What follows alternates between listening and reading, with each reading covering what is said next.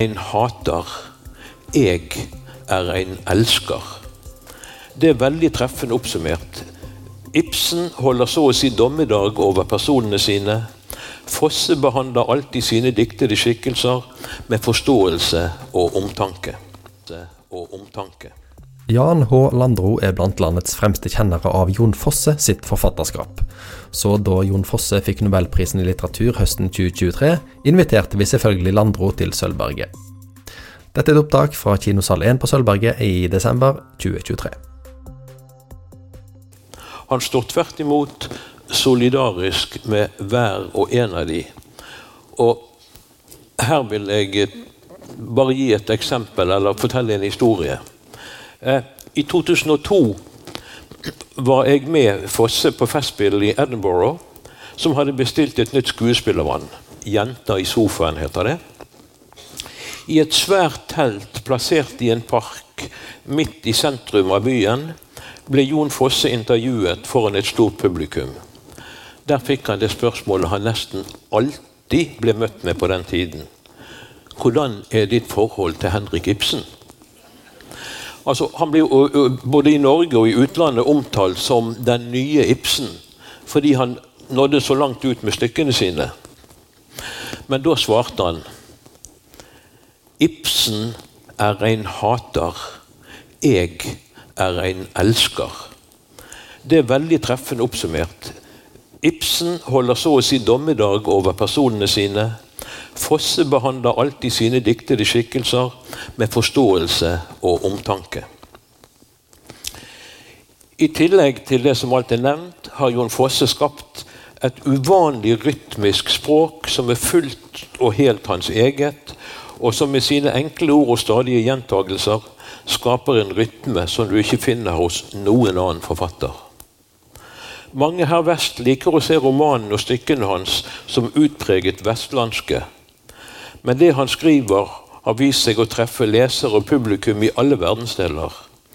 Derfor gir de gjenkjennelse så å si overalt. Jon Fosse er enestående, men likevel allmenn. Og det, og det vet svenske akademien å verdsette. Så er det jo også, også et lite poeng at svenskene faktisk var de som først oppdaget denne forfatteren. Han fikk sitt gjennombrudd i Sverige før han fikk det i Norge. Men hvorfor fikk han prisen akkurat i år? Siden 2005 har Jon Fosse vært det vi kunne kalle offisiell kandidat til nobelprisen. Det året ble en litteraturprofessor fra Stord, Otto Hageberg, invitert til Nobelhovedkvarteret i Stockholm for å forelese og svare på spørsmål om dette forfatterskapet. Deretter sendte Svenske Akademi en bestilling til det norske samlaget på alle bøkene Fosse hadde skrevet. Det, det, siden, det, han siden har fått utgitt, har de også mottatt. Og i de 18 årene som har gått, har personer med rett til å foreslå priskandidater sørget for at akademimedlemmene ikke har fått anledning til å glemme mannen fra Strandebarm. Jeg må jo innrømme at jeg sjøl som ikke har en slik eh, rett, har pushet en og annen litteraturprofessor, teatersjef og forlagssjef og minnet de på hvilken plikt de har. Det er ytterst sjeldent at en kandidat for nobelprisen så å si straks han eller hun blir nominert. Som regel går det flere år og flere nominasjoner før en kandidat når helt opp.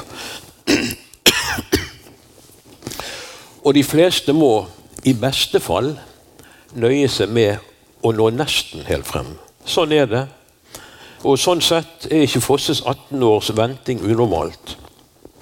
At han fikk prisen i år, tror jeg fremfor alt beror på at septologien, hans monumentale eh, hovedverk, hadde fått virke i to år og blitt mottatt med ovasjoner i land etter land. Med tanke på den plassen Bibel og religion har i dette forfatterskapet, fins det kanskje også det vi kunne kalle en bibelsk forklaring på at Fosse fikk prisen akkurat i år.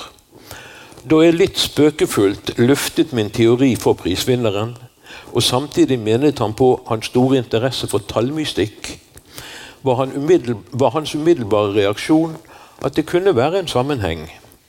Min teori går slik. Tiden var inne, står det flere steder i Skriften.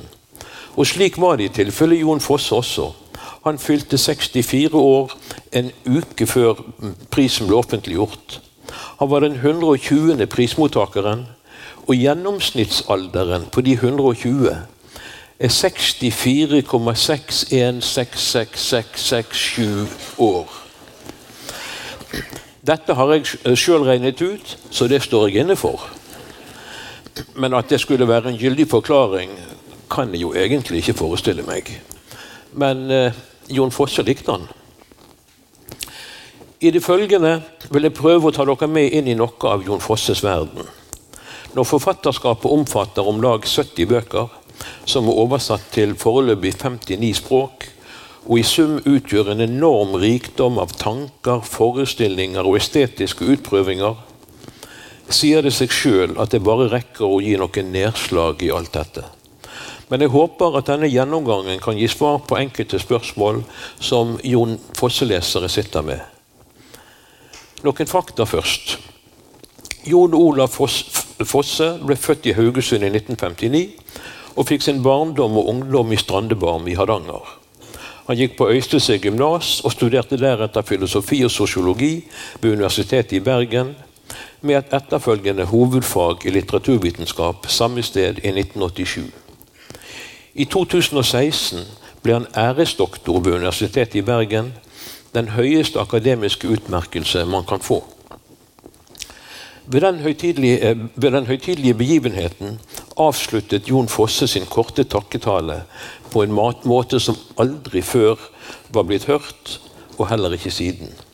Han sa ordrett Jeg er nå en slask og en slaur, men nå er jeg doktor òg, takk. Så gikk han ned og satte seg. I noen år på 90-tallet var han lærer på Skrivekunstakademiet i Bergen og skal ha gjort betydelig inntrykk på flere vordende forfattere. Ikke minst Karl Ove Knausgård. En tekst av han knakk han i småbiter. Han sto til slutt igjen med ett ord som han syntes var greit. Eh, budskapet hans til studentene var kort og klart. Skriv, ikke tenk. Og selvfølgelig skal de tenke både før og etter skriveprosessen, men ikke mens de skriver. Da skal de uhindret slippe frem det som flyter i de. Det var hans budskap, og det er jo det han sjøl lever etter. I 2011 tilbød kulturministeren han å flytte inn i Grotten i Oslo, statens æresbolig for fortjente kunstnere. Det var under sterk tvil han sa ja til dette, for han visste ikke hvordan det ville påvirke skrivingen hans. Der har han særlig drevet med oversettelser og artikkelskriving. Det meste av diktningen har foregått andre steder. I småbyen Heinburg ved Donau, på grensen mellom Østerrike og Slovakia. Eller i skrivestova hans på Dinja ved Sognesjøen, ytterst i Sognefjorden.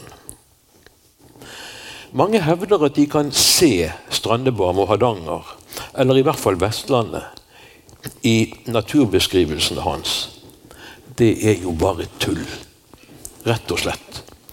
I den grad Jon Fosse skildrer natur, og det gjør han mest i form av fjell og fjord, er det så stilisert at det kan være hvor som helst. Jeg har sett to av skuespillene hans i nordnorsk språkdrakt, spilt på teatret i Nordland og Troms helt uten at noe som har med natur å gjøre i tekst- eller sceneanvisning, var endret. Det slo meg ikke et øyeblikk at dette ikke kunne, like godt kunne være Nord-Norge som Vestlandet. At vi kan merke en vestlandsk tone både i språket og i måten å kommunisere på, er en helt annen sak. Det samme gjelder temperament og gemytt.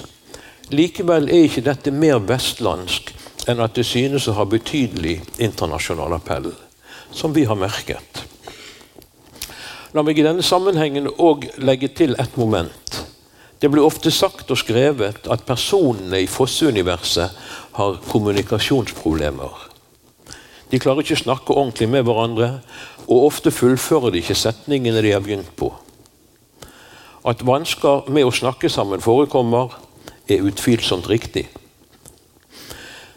Men det folk utenfor Vestlandet, sikkert noen vestlendinger òg, tydeligvis ikke får med seg, er at det ofte dreier seg om personer som er så sammenvokste at de trenger ikke fullføre setningene. De vet at motparten skjønner hva de vil uttrykke. Jeg har vært, i, to, I 52 år har jeg vært gift med en jente fra Sunnfjord, så dette vet jeg det meste om. Noen ord om Jon Fosses arbeidsmetode. I motsetning til mange kolleger planlegger han aldri bøkene eller skuespillene sine. Det eneste han bestemmer seg for, er hvilken sjanger han skal skrive i, om det skal bli roman, fortelling, skuespill eller noe annet. Han har ikke på forhånd tenkt ut noe om hovedpersonen eller andre personer, eller om handlingen eller viktige tema. De eneste unntakene er hans andre roman 'Steng gitar' fra 1985 og 'Melankolia 1', som kom ti år seinere. I det første tilfellet hadde han bestemt på forhånd at hovedpersonen skulle være en kvinne. Forklaringen på det var at mange kritikere mente at debutromanen 'Raut svart' fra 1983 var selvbiografisk. Det mislikte forfatteren intenst. For han mente, og mener fremdeles, at han ikke klarer å skrive selvbiografisk, og ikke ønsker det heller. Men med en kvinnelig hovedperson, sågar en ung mor, i bok to, regnet han med å slippe slike mistanker. I tilfellet Melankolia var forklaringen at han ville skrive om en fiktiv Lars Hertavig. Fosse har i alle år beundret maleren fra Borgøya, som han mener er Norges største billedkunstner gjennom tidene. For øvrig er Jon Fosse òg i slekt med Hertavig, langt ute riktignok. Også i storverket Septologien hadde Fosse bestemt eh, noe før skrivingen begynte, nemlig at hovedpersonen skulle være en kunstmaler. Man kunne jo tenke seg at det lå nærmere å velge en forfatter. Men å skrive om en forfatter syns Fosse er dønn kjedelig. Så det vil han overhodet ikke utsette seg for. Bare én eneste forfatter forekommer i dette forfatterskapet. Det er hovedpersonen i skuespillet 'Natta syng sine sanger', som hadde sin urpremiere her på Rogaland Teater i 1997. Typisk nok tar han livet av seg. Trenger jeg si mer? Jeg kan bare legge til at Jon Fosse i yngre år sjøl dyrket malerkunsten, så han er ikke helt fremmed for, for det heller. Denne forfatteren setter seg ved skrivebordet, og nå har han i noen år helst skrevet med fyllepenn, som han har et stort utvalg av. Før skrev han på Mac, som han også hadde et visst utvalg av. Så går han i gang, uten å vite hva som vil komme ut av skriveprosessen. Uttrykket han alltid bruker om det som skjer, er å skrive fram. Eller å la teksten oppstå i skrifta. Han lytter seg fremover, fornemmer hva som skal skrives, og fester det til papiret. Han føler at han drømmer i våken tilstand, at det han skriver, så å si skriver seg sjøl. I dette arbeidet er det ikke, ikke noe bastant skille mellom det bevisste og det impulsive. Noen ganger er det mer enn som så. Han føler at teksten kommer til han ferdig, og, han, og alt han har å gjøre, er å få det ned på papiret, rett og slett før den blir borte igjen. Det betyr ikke at den alltid er gryteferdig. Noen ganger må den redigeres ganske mye, andre ganger kanskje ikke i det hele tatt. Jeg har spurt uh, Fosse hvor dette kommer fra. Da blir han svar skyldig. Han lurer på det sjøl. Mener at det kanskje ligger i han, men har noen ganger en sterk fornemmelse av at ordene kommer et sted utenfra. Særlig gjelder det tekstene som kommer så å si ferdige til han. Jeg kan nevne at forfatteren Einar Økland har fortalt meg at noe tilsvarende har skjedd med han i noen av barnebøkene hans. Jon Fosse debuterte altså i 1983 med romanen 'Raud svart', som vakte oppsikt med alle de språklige gjentagelsene av enkeltord, setningsdeler, hele setninger eller scener. Dette er siden blitt et varemerke for denne forfatteren. Samlaget, forlaget der han debuterte og siden har holdt seg, ville ha han til å stryke halvparten av gjentagelsene i debutboken, men han fikk krangle seg til at noe mer skulle beholdes. Sluttresultatet, altså den boken som utkom, blir han likevel så misfornøyd med at han siden har nektet forlaget å trykke nye opplag av debutboken. Ved senere bøker har forlaget som regel fått klar beskjed. Take it or leave it. Her skal ikke noe strykes. Og kanskje enda viktigere ikke et komma skal flyttes. Du kan gjerne lage bokmålsversjon av teksten hans. Det er blitt gjort med flere teaterstykker. Men tegnsettingen er hellig. Vanlige regler for slikt gir han blaffen i kommabruken skal følge pusterytmen eller språkets egen rytme, ikke noe annet. Punktum er det tilsynelatende mindre viktig med. De som har lest Fosses hovedverk, septologien, vet at den er på 1251 sider uten et eneste punktum. Det kan kanskje skremme noen fra å gi seg i kast med storverket. Men som leser finner du fort din egen rytme. Det er ikke noe problem. Du savner rett og slett ikke uh, punktum når du har lest lite grann.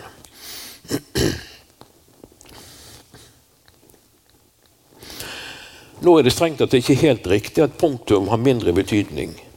Hyppig bruk av punktum indikerer ofte uro eller opphisselse.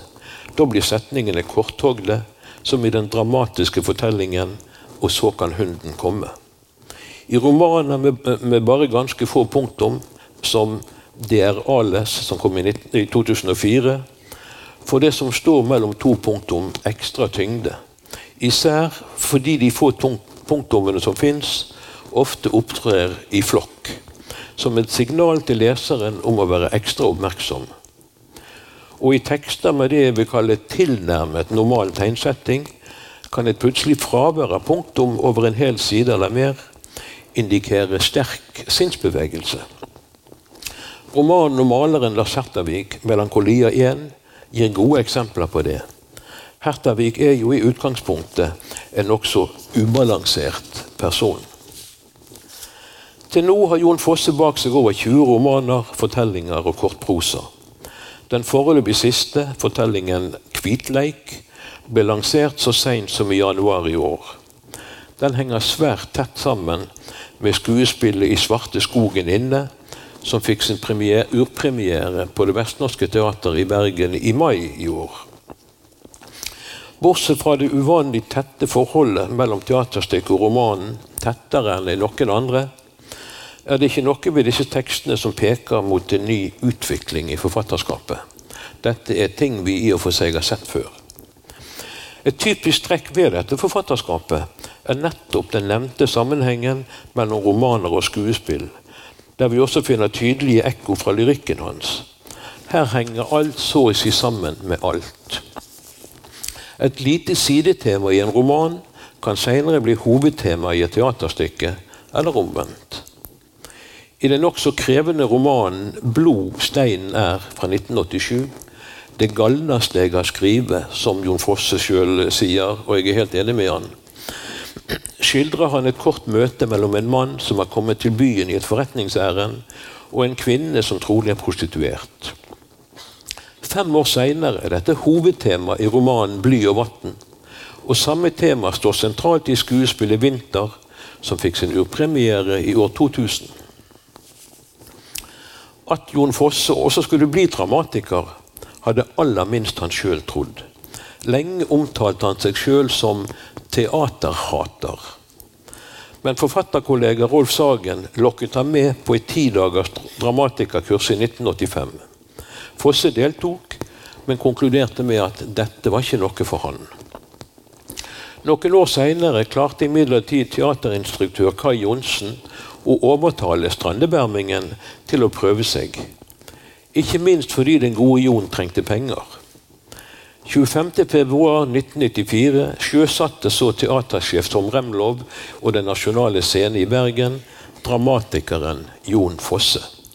Det skjedde med det senere lite fremførte skuespillet 'Og aldri skal vi skiljast'.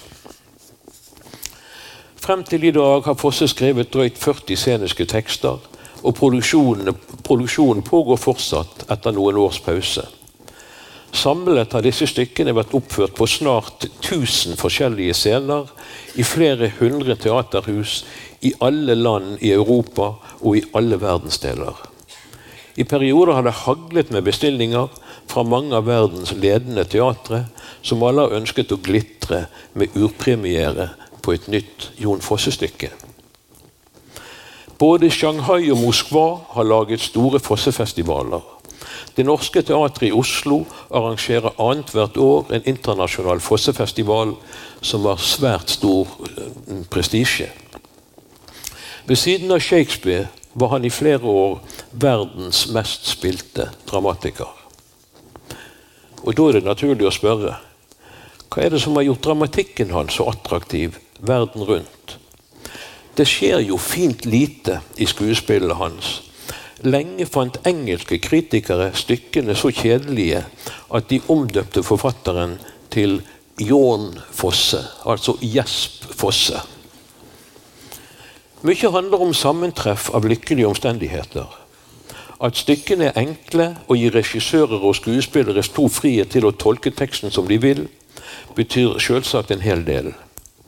Det tvers gjennom rytmiske språket også noe som tiltaler skuespillere. En annen faktor er at stykkene begynte å komme på et tidspunkt da mer utadvendt, mer høyrøstet og brutal dramatikk en periode hadde dominert teaterscenen i Europa. Her er britiske Sarah Kane et typisk eksempel med stykkene sine 'Renset' og 'Psykose 448', som var spilt flere steder i Norge. Det var tid for noe annet. Et tredje moment som absolutt ikke skal undervurderes, er at det han skriver, taler til ulike mennesker i ulike deler av verden, i ulike livssituasjoner. I tillegg kommer at noen av de største regissørene i europeisk teater fikk øynene opp for den sære forfatteren fra nord. Især franske Claude Regi, men også tyske Thomas Ostermeier så potensialet i denne dramatikken. De laget oppsetninger som nesten kom til å representere et tidsskille i europeisk teater. Og dermed var det gjort. Stadig nye scener fulgte opp. I Tyskland kunne Fosse på det meste være spilt på et titalls ulike teater samtidig. Også romanen og fortellingene hans foreligger på en lang rekke språk, som nevnt. Et uttrykk for hans internasjonale posisjon i dag er at første bind av septologien utkom samtidig, ferdig oversatt i sju land. Norge, Ungarn, Spania, Storbritannia, Nederland, Tyskland og Danmark det er nokså enestående i internasjonal litteratur. Sin første diktsamling utga han i 1986, 'Engen med vatn i øynene'. Siden har det kommet ytterligere 28.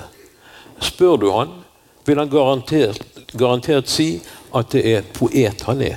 Poet først og fremst. Og det er lett å gi han rett. For de poetiske kvalitetene i språket hans farger både romanene, fortellingene og dramatikken. Det hører likevel til sjeldenhetene at han setter seg ned for å skrive en diktsamling. Diktene kommer gjerne til han enkeltvis, og ofte over lang tid. Som regel mens han er inne i prosaperiodene sine, så godt som aldri når han skriver dramatikk. Kanskje fordi avstanden mellom dikt og drama ikke er så stor.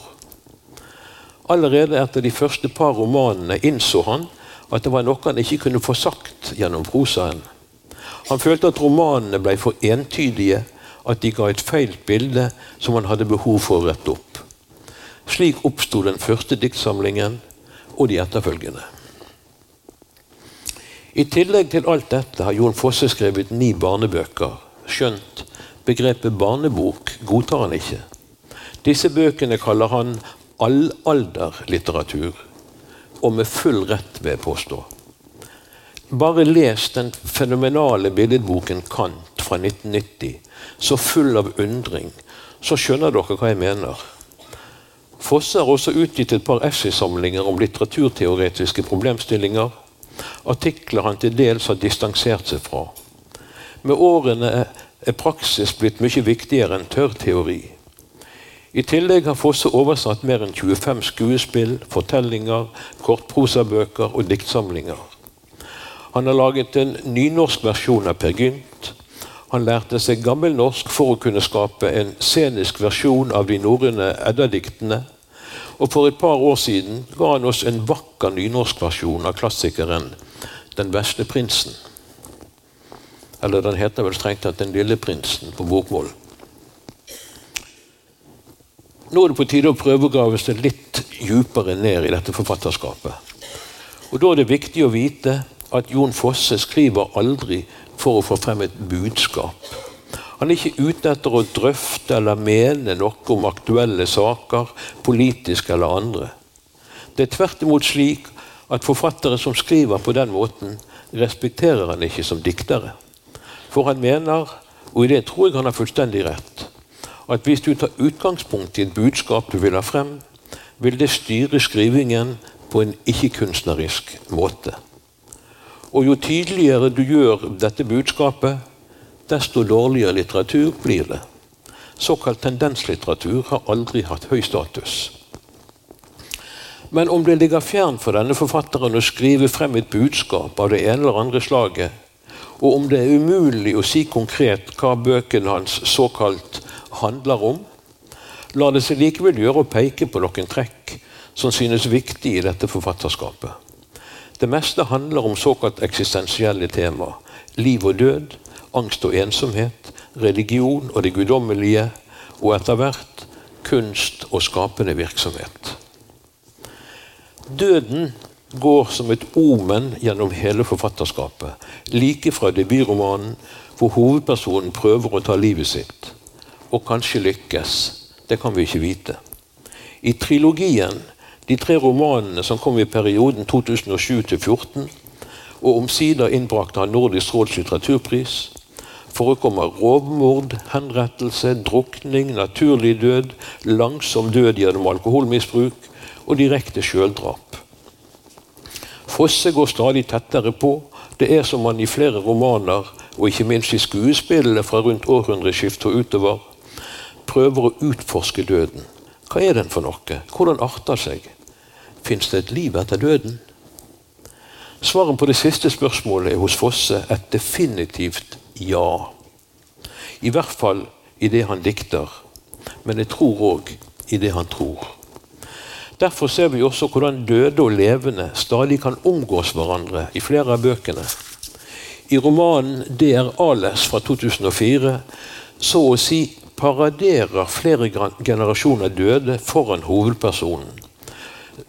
Hun, hun fornemmer kontakten og opplever den som helt naturlig. Og vi snakker absolutt ikke om spøkelseshistorier. I septologien samtaler hovedpersonen daglig med sin kone som har vært død i mange år. Og i den nydelige romanen 'Morgen og kveld', som jeg anbefaler alle som ikke har lest noe av Fosse fra før, tar forfatteren og så å si over på den andre siden. Det som trygt kan sies om den boken, som også blir teater og opera, er at han i hvert fall ikke gjør folk mer engstelige for å dø. I skuespillet 'Dødsvariasjoner' fra 2001 opptrer døden til og med som en venn. En egen skikkelse som heter vennen.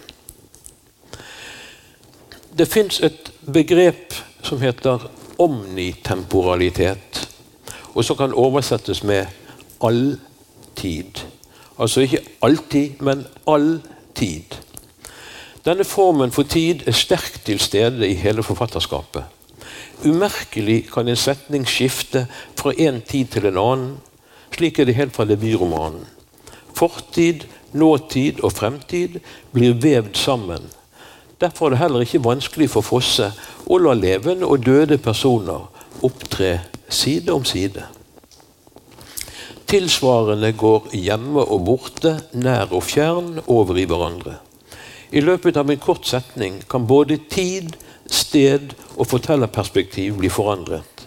Og det skjer så sømløst at leseren kanskje ikke alltid får det med seg ved første lesning.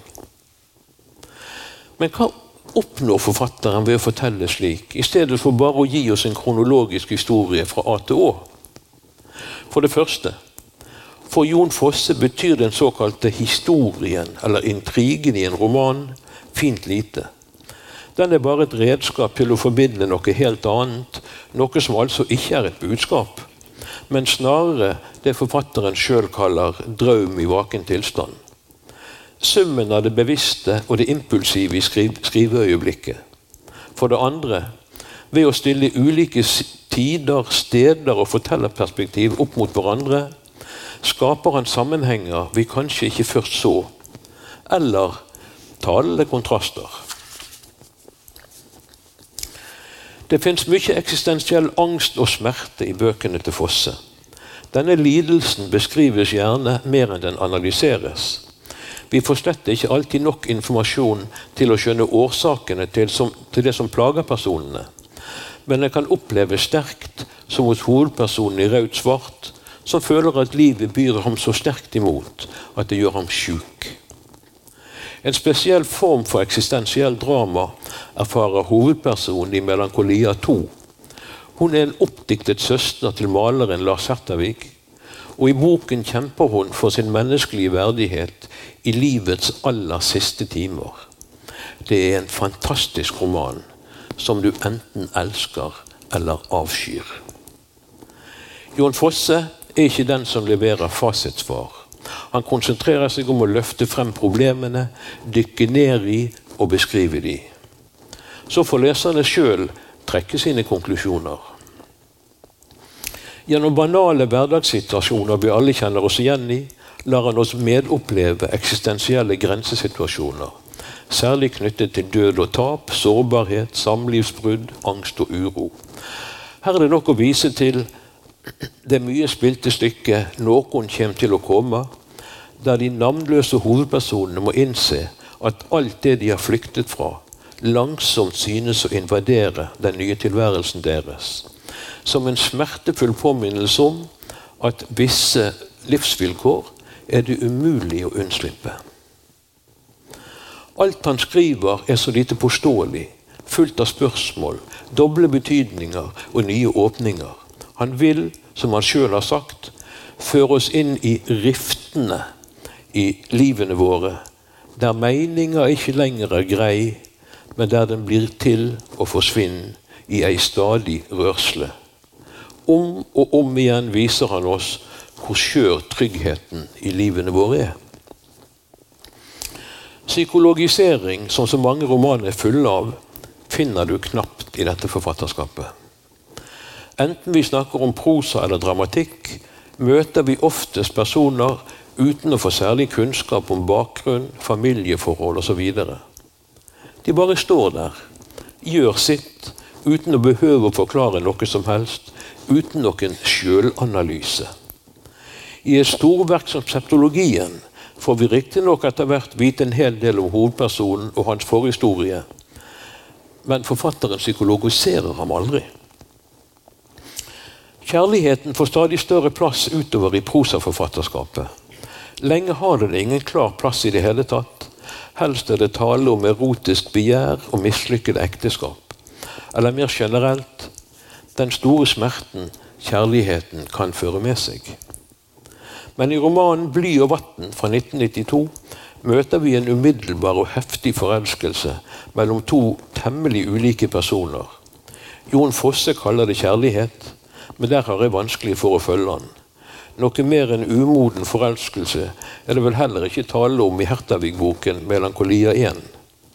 Ekteskapelig lykke dukker først opp i morgen og kveld fra år 2000. Riktignok ikke så noe vi som lesere opplever, men bare får høre om.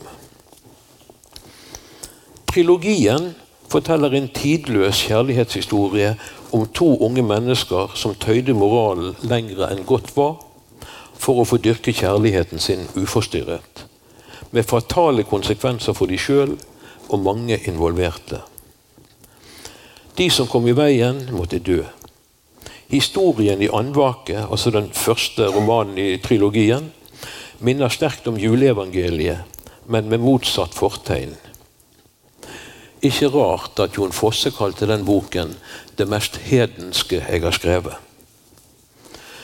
Da er det annerledes i septologien. I likhet med, i likhet med paritrilogien møtes også Asle og Ales ved en skjebnebestemmelse. Det måtte bli de to. Her er det tale om en harmonisk kjærlighet som bare en altfor tidlig død setter sluttstrek for. Skjønt, så lenge han kan føre daglige samtaler med sin døde kode, er det jo ikke helt slutt. Jeg vet ikke om noen forfatter av betydning som bruker et så enkelt og begrenset vokabular som Jon Fosse. Nordmenn som syns alt engelsk er så mye bedre enn det hjemlige, kommer gjerne trekkende med at Shakespeare i sitt forfatterskap brukte om lag 27 000 forskjellige ord. De vet selvfølgelig ikke at Wergeland brukte 54 000, og at Kjartan Fløgstad har brukt i overkant av 112 000 ulike ord så langt i, i romanene sine. Så vidt jeg vet, har ingen gjort en slik opptelling av ordforrådet i Jon Fosses bøker. Men det ville forbause meg kraftig om det overstiger 12 000-13 000 ord. Han bruker få ord, og de aller fleste er enkle. Men så ser vi f.eks. i trilogien at det dukker opp uvanlige ord som andvake og kveldsvevd. Andvake betyr søvnløs pga. en bekymring som lager deg. Kveldsvev betyr rett og slett trøtt om kvelden. Dette er gamle nynorskord som har gått ut av bruk, men som for Fosse har en særegen klang og skjønnhet, og som angir en tone eller stemning han prøver å mane frem i disse bøkene. Hovedpersonen i septologien er billedkunstner. Derfor drar forfatteren inn noen faguttrykk fra malerkunsten. Men når det skjer, varsler han så å si dette, at dette er fagterminologi ved å sette et 'de sier' etter ordet. F.eks. 'pastos de sier'. Det er ellers verdt å merke seg at Fosse sjelden tyr til dialektord. Forklaringen er enkel. Han ønsker ikke å knytte tekstene sine direkte til det helt lokale. Og Når vi først er inne på språket hans, vil jeg også nevne et stiltrekk som har fått stadig større plass fra og med morgen og kveld, altså fra årtusenskiftet. Det vi kaller invertert eller omsnudd ordstilling. Han kan f.eks. skrive 'opp på haugen kommen' i stedet for 'da han er kommet opp på haugen', eller for hvis de ikke engang henne hadde hatt, der vi i dagligtale ville sagt for hvis de ikke engang hadde hatt henne. Slik inversjon finner vi helst i litt eldre lyrikk. I prosaen er det et stilgrep som blir benyttet for språklig variasjon, eller som f.eks. i bibel- og sagalitteraturen, for å fremheve eller understreke et ord eller et ledd i setningen. Dette er ikke noe Fosse konstruerer. Det er den ordstillingen som kommer til han når han skriver. For han er nemlig skriving å lytte seg fremover i en tekst. Og sjøl om dette stilgrepet først og fremst handler om språklig rytme og musikalitet, som er så avgjørende viktig for Fosse, kan det også bidra til å mane eh, frem en fjern fortid, slik som i trilogien, som foregår ikke i Bergen, men i Bjørgvin for ja, 200-300 år siden. Det er ikke så godt å vite.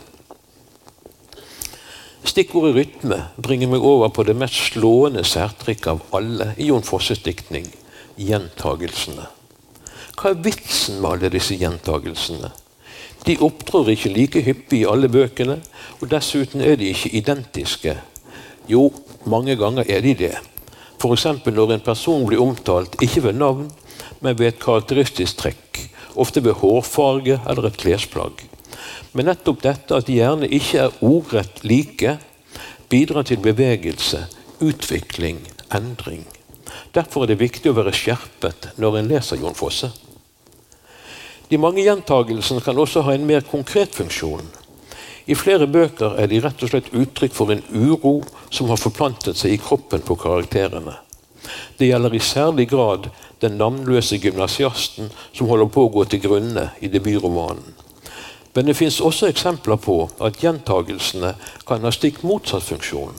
At de gir trygghet, noe å holde fast i når uvissheten truer. som i skuespillet 'Noen kommer til å komme'. Og uvissheten har jo en sentral plass i dette forfatterskapet. La meg gi et eksempel på hvordan gjentagelsen kan fungere. I romanen 'Flaskesamleren' fra 1991 har en kirke en viktig funksjon.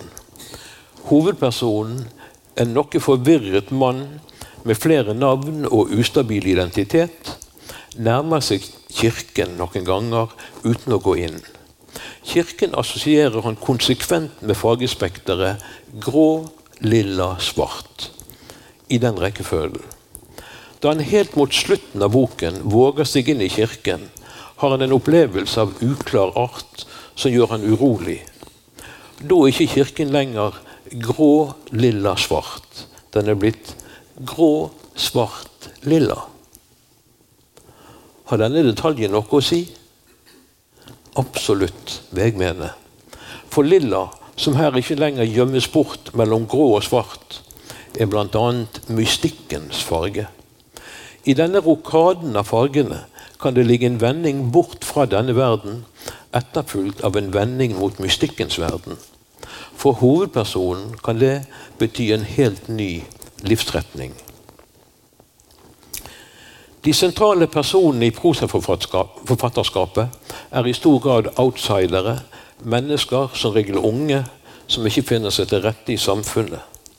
I skuespillene er det litt annerledes. Der er personene mer vanlige, om vi kan si det slik. Slike som det er lettere å identifisere seg med. Hvordan denne forskjellen mellom sjangrene har oppstått, er ikke Fosse i stand til å forklare. Ikke så rart, kanskje, i og med at han aldri planlegger bøkene sine. Og han, har, jo, og han sier jo sjøl at han slett ikke er den som best forstår bøkene han har skrevet. Det har han felles med flere forfattere. De innser at uh, det kan være lesere på utsiden, så å si, som ser en hel masse forfatterne sjøl ikke ser, og ser sammenhenger som forfatteren heller ikke har sett. Tilbake til personene i romanene og fortellingene. De rår ikke helt med livene sine, mestrer ikke de menneskelige relasjonene de står oppi. Det kan være til ektefelle, barn eller andre. Noen kan, øh, noen kan det være lett å karakterisere som tapere, livsudugelige, men slike ord bruker aldri Fosse.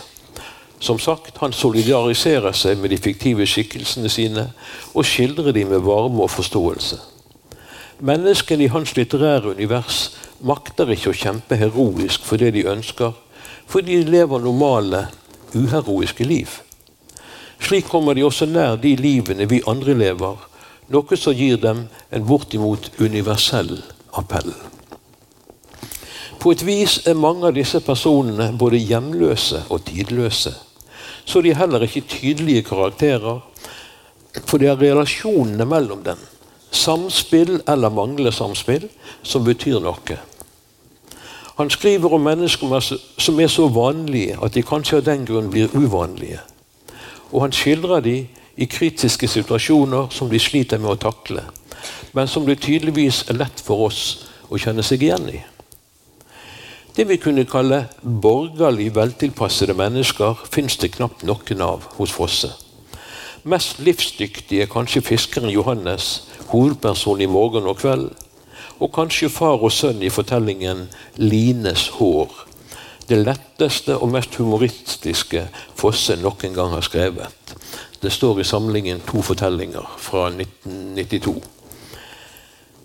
Mange er forhutlede eksistenser, som den unge moren i stengt gitar som låser seg ute fra den vesle ungen sin og ikke aner hvordan hun skal komme seg inn igjen. Lars Hertavig, den eneste historiske personen i dette galleriet, er det heller ikke stort med på veien i galskapen som han er. Flere av personene er musikere, slik Fosse var til han ble 16 år gammel, men spesielt gode er de ikke. Ei heller når de særlig langt med spillingen sin, enten de opptrer i romaner eller skuespill som Lilla, med det i beste fall halvgode bandet som øver dypt nede i en kjeller. Noen ganger kan det være fristende å sette diagnoser på flere av disse skikkelsene.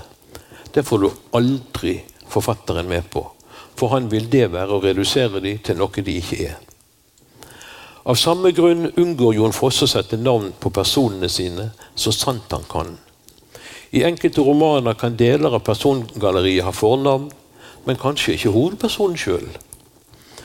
I dramatikken kan han operere med et halvt dusin personer uten at en eneste av de får navn. I stedet blir de nevnt ved funksjon. Faren, mora, dattera, sønnen, naboen, gutten osv.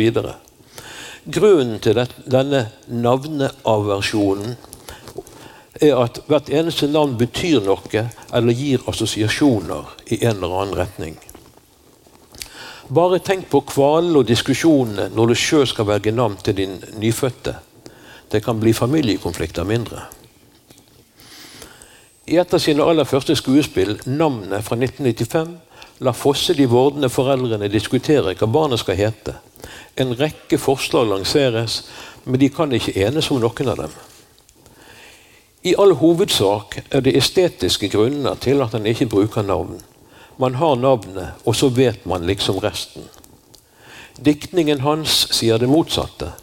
Derfor er det med årene blitt slik at når han bruker navn, så går de samme navnene igjen og igjen, nettopp for å redusere de som navn. Må han navngi, benytter han gjerne lite brukte navn. Asle går igjen i mangt han har skrevet, og blir dermed på en måte både tømt for konvensjonell betydning og frigjort fra preg av sosial status. I hvert fall slik Fosse ser det. I stedet får navnet sin egen betydning, skapt av diktningen, så å si. Et annet navn som brukes ofte, er Ales. I septologien heter hovedpersonen Asle og konen hans Ales. Det er ellers påfallende hvor mange navn i det verket som begynner på A. Ingenting er tilfeldig i det Fosse skriver. Alt må stemme. Navnene altså, ikke minst. Motviljen mot å gi for tydelige navn på personer og steder, likeledes mot å tidfeste handlinger for nøye, er gjennomgående. Også mot å bestemme noe for spesifikt. F.eks. kan skillet mellom rulletobakk og sigarett, sigaretter være viktig, men det er helt uvesentlig hvilket tobakksmerke det er snakk om. Bibelreferanser forekommer i så godt som alt Fosse har skrevet. Han kjenner Bibelen bedre enn de fleste, har bl.a. deltatt i arbeidet med den nye bibeloversettelsen som kom i 2011. Og Da kan det av og til være vanskelig å følge han. Sjøl sleit jeg kraftig med romanen 'Det er Ales', som for øvrig bygger på skuespillet 'En sommersdag', som kom ti år før, og som har noe av sitt utgangspunkt i fortellingen 'Naustes', som kom enda ti år før der igjen. Denne romanen er et prosalyrisk slektsdrama om kjærlighet og sorg, ensomhet og død, der fortid og nåtid, liv og død, virkelighet og hallusinasjon går umerkelig over i hverandre. Signe, en eldre kvinne, opplevde for mange år siden at ektemannen Asle ble borte på sjøen. Vi kan ikke vite sikkert om det var ulykke eller selvmord. I alle år som barnløs enke har hun så å si levd gjennom den døde ektemannen. Alt hun gjør i hele romanen, er å vandre mellom en benk hun, hun legger seg ned på, og vinduet. Stadig for å speide etter Asle. Å stå slik ved vinduet og se etter noen er for øvrig en grunnposisjon i mange Fosse-romaner. Tiden stoppet opp da Astrid ble borte. Hun tenker stadig på hva som skjedde den dagen, om noe kunne vært gjort annerledes. Det fins bare fortid, ingen nåtid i tilværelsen hennes. Mot slutten skjer noe som bryter hele, med hele historien. Hun, der hun ligger, gir hun seg til å kjele, seg, kjele med seg sjøl. Hun holder hendene over brystene sine og tar deretter den ene hånden sin inn mellom beina og lar den ligge der. Disse avsnittene leste jeg om og om igjen. Tilsynelatende ga det ingen mening, for det brøt så radikalt med hele historien. Men så kom jeg til å huske at i eldre bibelspråk kunne verbet 'kjenne' bety å ha samleie med. Å kjenne, å ha kjent en kvinne, betyr å ha ligget med henne. På et vis er det det Signe her gjør. Hun har samleie med seg sjøl, altså blir kjent med seg sjøl. Slik kan dette være uttrykk for økt uh, selverkjennelse og forståelse av egen situasjon. Hun er i ferd med å finne en vei ut av den statiske tilstanden hun altfor lenge har levd i. Asle, mannen hennes, rydder soverommet før han legger ut på fjorden den skjebnesvangre kvelden. Det var noe han ikke hadde for vane å gjøre. Tilsvarende leser vi om andre personer i andre fossebøker som rydder i huset sitt. Det er et varsel om død. En referanse til andre kongebok i Det gamle testamentet. Så sier Herren, få orden på ditt hus, for du skal dø og ikke leve lenger.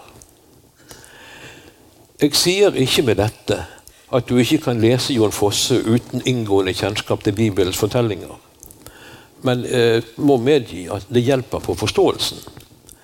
Denne utstrakte bruken av bibelske referanser henger utvilsomt sammen med at Fosse i mange år var en sterkt søkende sjel. Han meldte seg ut av statskirken som opprørsk 16-åring, omtrent slik som hovedpersonen i debutromanen. Så meldte han seg en del år seinere inn igjen, om lag slik det er skildret i siste del av Melankolia 1. Han var en tid innom kvekerbevegelsen, og han orienterte seg mot religiøs mystikk og gnostisisme, før han for ti år siden fant hjem i den katolske kirke. Mye av dette har fått nedslag i bøkene og skuespillene hans. Noen ord om boktittelen før jeg runder av med litt om septologien. De fleste titlene bare kommer til Jon Fosse. De er ikke noe han sitter og tenker ut. Og når de først er kommet, tenker han at de er gode og relevante. Og ofte de eneste rette. Jeg må innrømme at det er ikke så lett å følge han der. Det hører til sjeldenheten at titlene gjenfinnes i brødteksten. Et særlig interessant tilfelle er fortellingen 'Og så kan hunden komme'. Gjennom hele historien, inkludert den avsluttende setningen, heter det at hunden må, komme. Hvorfor da kan komme i tittelen? Eh, det fins en forklaring, men den ligger ikke oppe i dagen.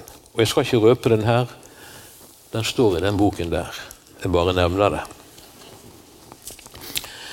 På veien inn til septologien bare dette. Forsoning blir tidlig et tema i forfatterskapet, og gradvis viktigere.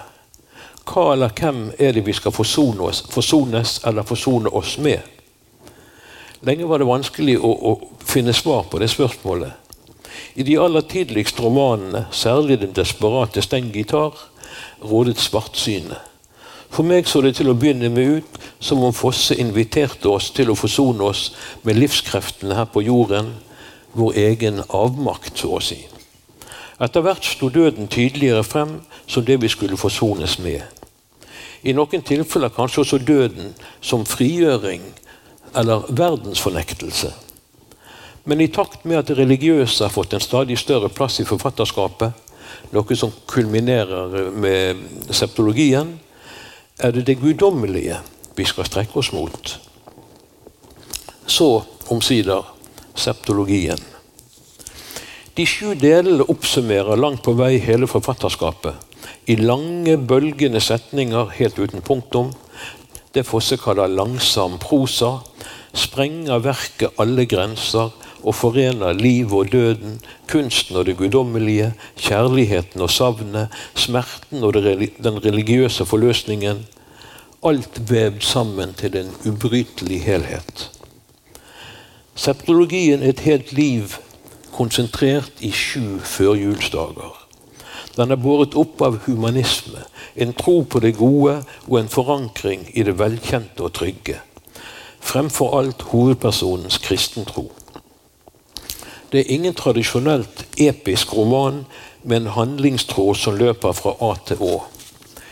I stedet består den av ulike elementer som går på kryss og tvers gjennom alle delene for første gang legger Fosse inn, også inn essayistiske elementer i skjønnlitteraturen sin. Og det dreier seg om religiøse betraktninger og funderinger. Og så mye av dette var det at han måtte stryke 300 sider før boken kom ut, eller bøkene. Refleksjon og meditasjon kombinert med minnestrømmer, utgjør substansen i den eksistensielt orienterte romanen. Teksten flyter frem i et språk som puster, veksler mellom skildring, essaystikk, dialog og meditasjon, med sine temposkifter og bølgende rytme, klanger, farger og musikk. Det hviler en egen ro over mye av fremstillingen. Paradokset, altså en påstand eller et utsagn som er selvmotsigende, finner vi i alle tekstene til Fosse. Men i septologien formelig kryr de av de. De er med å gi romanen struktur. Forklaringen er delvis at dette er språket som mye religion diskuteres i. Og da nærmer vi oss det kanskje mest sentrale i verket, nemlig hvordan religion og kunst kobles til hverandre inntil skillet så å si oppheves. Hovedpersonen Asle er altså billedkunstner. Målet hans som kunstner er å nå inn til det han kaller sitt innste, eller innerste bilete. Han tenker at dette bildet fins et sted inni han, og at det er det han hele tiden prøver å male frem. Jo nærmere han kommer, desto bedre blir resultatet. Men helt inn vil han aldri nå. Det er lett å forestille seg at dette også uttrykker Jon Fosses egen ambisjon som forfatter. Tallene nok faller tanker om det innste bildet sammen med en viss form for religiøs tenkning. Septologien er rik på hovedpersonens samtaler med seg sjøl om sin egen gudstro og hva det ene og andre i katolisismen faktisk betyr. For Asle har konvertert til katolisismen, og dens dogmer og trosoppfatninger opptar han sterkt. John Fosse har alltid vært opptatt av middelaldermystikeren mester Eckhart. Han skrev om noe han kalte negativ mystikk. En religiøs måte å tenke på der motsetninger blir sett som forutsetninger for å kunne si noe om, om Gud. Han brukte f.eks. uttrykk som 'fraværende nærvær' og 'det lysende mørke'. Dette er helt sentrale paradokser både i Fosses diktning og i hans religiøse livsfølelse. Slik det har kommet til uttrykk i mye han har skrevet. Det interessante er at paradokset er noe Aslo også tyr til når han snakker om kunst. Han tenker f.eks. på kunsten som et urørlig bilde som likevel har en slags rørsle i seg, eller et bilde sier og sier ikke noe samstundes. Dette viser hvor nær kunsten står det guddommelige i tankene hans. Trolig også i Jon Fosses egne tanker. Så skal til slutt alle motsetninger oppheves i Gud. Alt går opp i en større enhet. Det er dette som skjer i septologiens aller siste setning. I hvert fall slik jeg tolker den. Med dette sagt kan det passe å minne om noe som er blitt en myte, men også har mye sannhet i seg. Påstanden om at nobelprisen er en slags dødsdom for forfattere. Etter å ha fått den klarer de som regel ikke å dikte noe av stor verdi. Dette er riktig når det gjelder en hel del forfattere, men da helst slike som allerede er begynt på livets aller siste etappe. Jon Fosse er bare 64 år og ved bedre helse enn det har vært på flere år. Om denne spådommen likevel skulle gå i oppfyllelse for Jon Fosse, noe jeg verken tror eller håper, kan vi i det minste trøste oss med følgende. Jon Fosse har per dags dato liggende tre nye romaner. En slags trilogi med handling fra Vadheim og Høyanger ved Sognefjorden. Tittelen er Vaim og det upubliserte manuset ble lørdag gitt som gave til Nobelmuseet i Stockholm. Der var Fosse ikke sjøl til stede, for han unngår som kjent absolutt alt han kan unngå av offentlighet. Dessuten har han liggende to-tre nyskrevne skuespill som etter hvert blir oppført. Det første av disse får premiere på Det Norske Teatret i april neste år. Kort sagt vi har mer i vente. Takk for oppmerksomheten.